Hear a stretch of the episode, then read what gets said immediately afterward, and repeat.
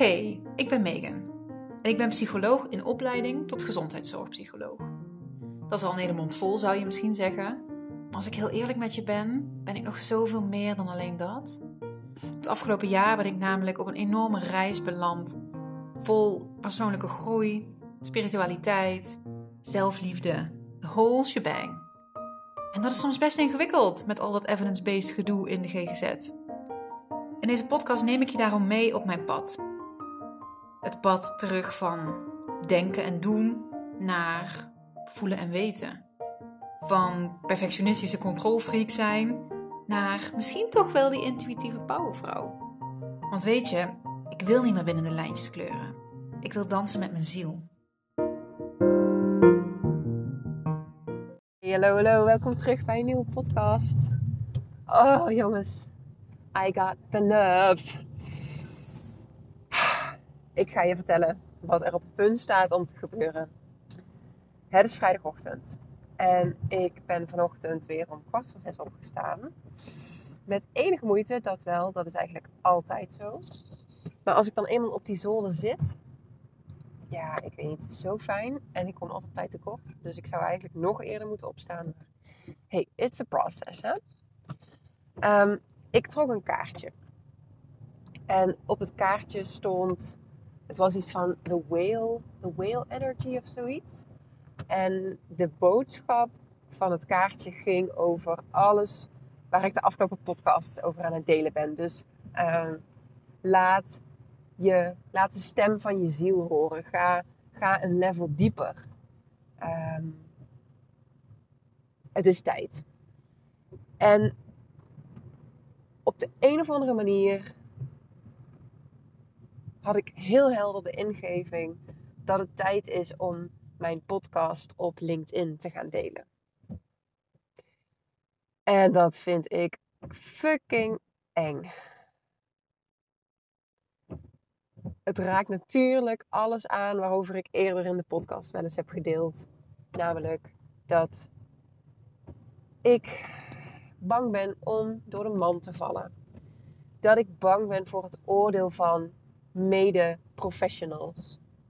Wat moeten die er wel niet van vinden dat ik. Uh... Moment, ik moet heel even een drukke rotonde op. Wat moeten zij er wel niet van vinden dat ik visualiseer, uh, manifesteer, kaartjes trek en erin geloof dat dat boodschappen zijn van zowel mijn eigen intuïtie als van iets wat nog veel groter is dan mijzelf. Gaan ze me nog een competente behandelaar vinden?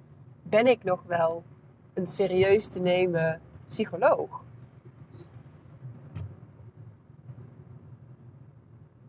Oh. En dan het idee dat, dat dat bericht dan onder huidige collega's, oud-collega's, andere connecties in het werkveld, dat dat allemaal zichtbaar wordt.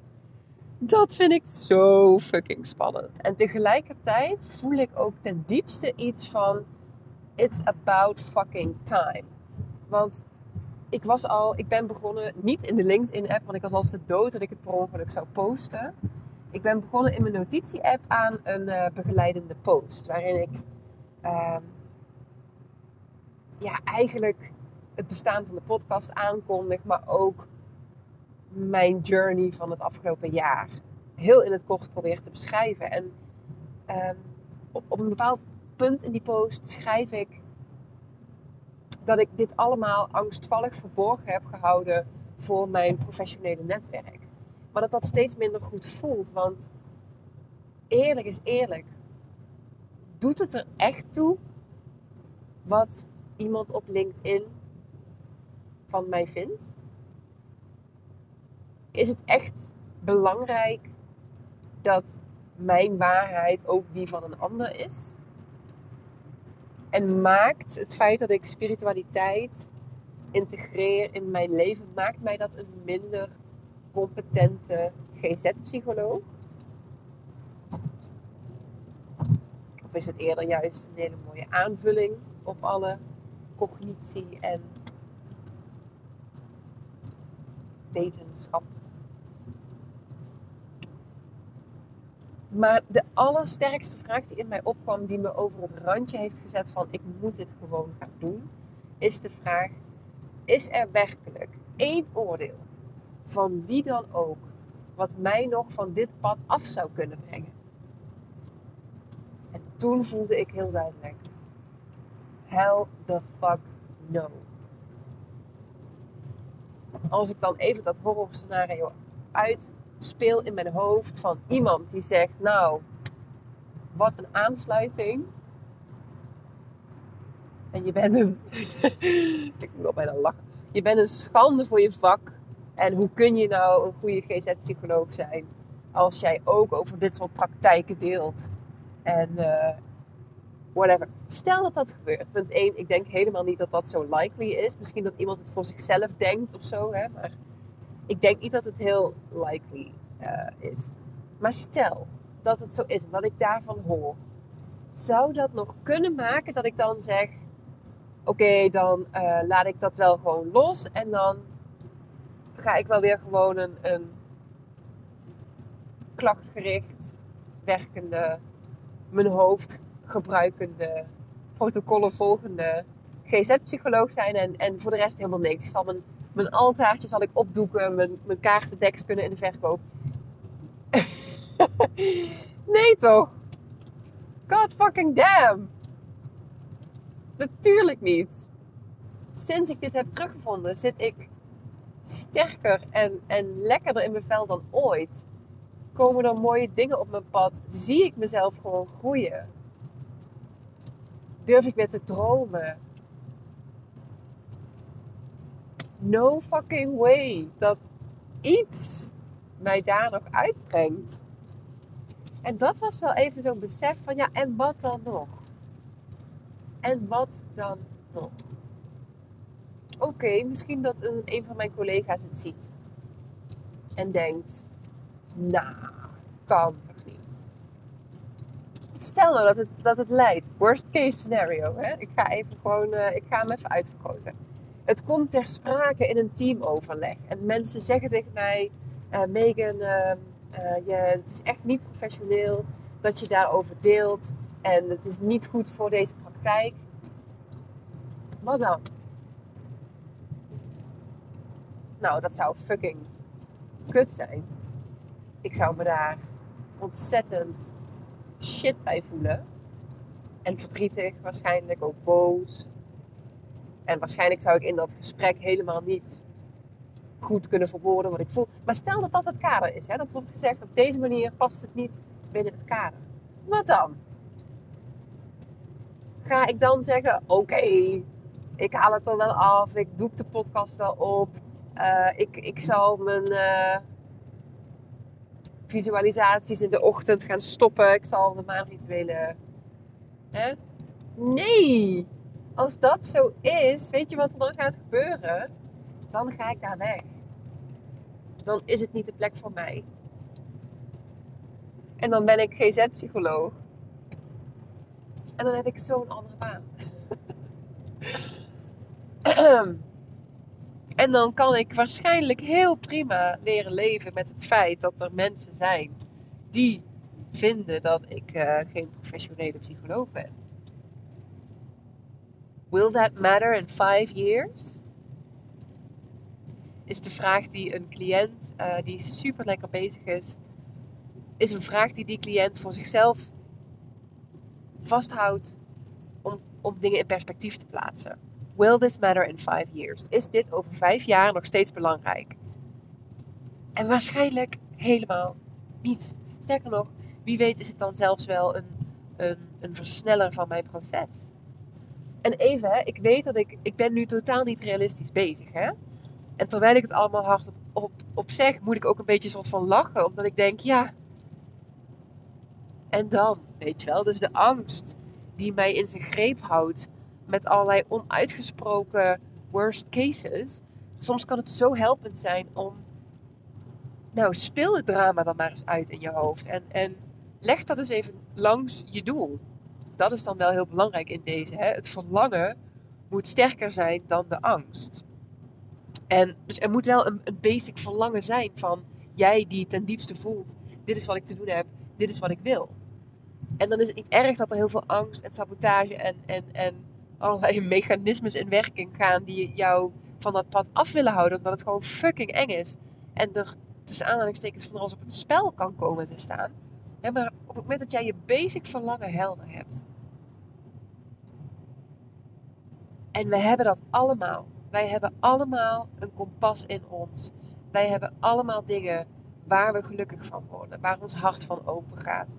We hebben allemaal die stiekeme doelen en wensen in ons hoofd. En als je denkt, ik heb bij de fuck geen idee, ga maar eens beginnen met überhaupt wat meer contact maken met jezelf. Ga maar eens beginnen met uit dat hoofd af te dalen naar die hele unit die daar nog onder hangt, jouw lijf. Ga maar eens naar je ademhaling, ga maar eens naar de stilte, ga maar eens schrijven, durf maar eens te dromen. Ga op Pinterest plaatjes zoeken van dingen waar je blij van wordt. Koop eens een tijdschrift. Maak eens een moodboard zonder duidelijk doel, maar gewoon met: oké, alles wat mij aanspreekt, alles waar ik iets bij voel, ga het eens uitzoeken. Want wat de fuck ben je aan het doen als je geen idee hebt waar je verlangens liggen? Dan weet ik vrij zeker dat je aan het leven bent met je hoofd en in je overleefstand. En mogelijk moet je eerst de skillset gaan aanboren van hoe kom ik überhaupt in contact. It's a process. Je hebt de tijd. Je hebt alle tijd. Je kunt niet achterliggen op jouw pad. Maar ga het eens ontdekken. Maar in ieder geval, um, het verlangen moet groter gaan worden dan de angst. Dus maak het verlangen sterker. En maak de angst kleiner. En juist door die angst even helemaal podium te geven en hem alles te laten uitspreken. En dan je verlangen ernaast te leggen en kijken, ja, maar stel nou dat, wat dan nog? Wie weet dat het je net over een drempel heen kan helpen. Bij mij is dit dus nu wel gaande. Ik ben fucking bang. Eerlijk is eerlijk, op het moment dat ik die post ga plaatsen op LinkedIn, ja, gewoon acute, ik wilde zeggen acute diarree, dat is wat heftig. op de vroege ochtend, maar ja, waarschijnlijk acute anxiety attack. Met volle angst vooruit dan maar, denk ik. Want ik heb die commitment naar mijzelf gevonden. Ik wil wholehearted living. En wholehearted betekent ook met volle angst vooruit op sommige momenten. Want daar is de groei. Daar gebeurt het. Als je blijft doen wat je hebt gedaan, blijf je krijgen wat je altijd kreeg. Dus Welke stap heb jij te zetten? Welke angst heb jij aan te kijken? En welke angst heb ik dus aan te kijken? Die post is dus in de maak. Maar ik voel ook dat met mijn soort van coming out op LinkedIn, dat daar ook een andere verandering bij hoort. En dat is dat ik mijn podcast ga ehm, hernoemen. Het wordt, denk ik, Wholehearted de podcast. Omdat de Megan-monologe klinkt qua energie uh, niet passend bij het pad waar ik nu op zit. de Megan-monologe, een monoloog is iemand die gewoon iets aan het afsteken is. Als je een monoloog houdt, maakt het je misschien nog niet eens zo heel veel uit of de andere persoon luistert of er iets mee kan, die hou je waarschijnlijk voor jezelf. En zo is deze podcast ook begonnen. Ja, er was een diep verlangen om, om te delen en te inspireren. Maar de podcast is vooral een hulpstuk geweest voor mij, tot nu toe, om te oefenen met, met putting myself the fuck out there. Mijn gedachten op een rij krijgen, mijn visie helder beginnen te krijgen. Ongeacht de luisteraars dat is zeg maar de, de bovenlaag. Daaronder zit absoluut dat ik hoop dat ook maar iemand een aflevering luistert en denkt: God damn it, daar kan ik wel wat mee. Dan, hè, dat is fantastisch. En uiteindelijk wil ik dat op grote schaal doen. Mensen laten voelen en horen en aanzetten in, in hoe het dus ook kan. Maar daarvoor is die tussenstap nodig geweest van de Megan monologen. Maar de Megan monologen, daar zit nog heel weinig gevoel bij. En bij Wholehearted voel ik de energie. De energie waar ik naar verlang. De energie die past bij wat ik hier kom doen. Dus het is tijd. Ehm, dus ik ga vanavond of dit weekend, ik weet nog niet wanneer. Uh, ik ga eens even knutselen in Canva. Sorry aan alle vormgevers en grafisch ontwerpers. Ik weet dat er wat gevonden wordt van Canva. Um, maar voor mij past die bij fuck perfectie. En laat dat vooral je niet belemmeren om een stap te zetten. ooit komt er een hele mooie branding en vormgeving. En ga ik dat helemaal laten uitbesteden aan iemand die dat fantastisch mooi gaat maken voor mij. Maar voor nu is dit, is dit goed genoeg. Want het gaat om de boodschap. Het gaat om de inhoud en de energie en niet om de vorm. Dus, here we fucking go. Ik vind het wel mooi om te merken overigens hoe... Um, ja, ik denk dat het, dat het pas een week of anderhalf is dat ik zo die intentie heb gezet van het me meer uitspreken en next level gaan. En ik vind het zo fijn dat ik dus ook een persoon ben die that makes that shit happen. Weet je wel? Ik ben zo blij en trots ook op mezelf dat ik die persoon ben die niet enkel dingen roept of droomt, maar die ook zegt: hoppa, actie. Ik, hè, dat, is ook echt een, een deel van waar ik voor sta. Ik vind het zo belangrijk en ik geloof zo enorm in: you need to do the damn work het gaat je, ja, ik geloof in manifesteren, ik blijf dit zeggen, maar het komt je niet aanwaaien als jij op je dekentje onder een bank zit te fantaseren. En dat is absoluut waar deze podcast mij in helpt. Om dingen, de werkelijkheid in te spreken. Om, om actie te ondernemen. Hè. Op het moment dat ik het hier op de podcast zeg, dat is ook het moment dat ik diep dat commitment aanga van oké, nu is het out there nu moet ik. Naar mezelf toe, vooral. Maar ook wel voor de mensen die het luisteren. Die het luisteren. En die net als ik op zoek zijn en die een inspiratiebron zoeken. En die denken, oh, maar echt kan het zo werken? Ja, het kan zo werken. And I need to be the living, breathing fucking proof of that. Dat is wat ik voel. En ik, ik ben daar heel blij voor, blij mee en dankbaar voor dat ik dat in mij heb. Dat ik het vermogen dus heb om te dromen, te verlangen, te concretiseren en te doen. En ik heb zeker daarin nog heel veel groei te maken. Hè? Want ik bedoel, nog steeds zijn we op een punt dat ik droom van een eigen business. En dat ik daar nog niets in, in gecreëerd heb. In real life. Er is nog geen klant geweest. Buiten mijn psychologenwerk. En dat is absoluut iets waar ik al veel verder in had kunnen zijn. Maar waarvoor ik gewoon ook echt de nodige belemmeringen door moest. En ik moet mezelf natuurlijk ook wel wat credits geven op het gebied van jong gezin, drukke opleiding. maar dat is geen excuus. In de basis is dat geen excuus. Dus ik heb zeker terreinen waar ik nog heel veel te winnen heb. En, en waar ik nog veel meer van dit alles mag toepassen. Maar ik heb ook zo'n basis van wel er fucking voor gaan. En uh, making it happen.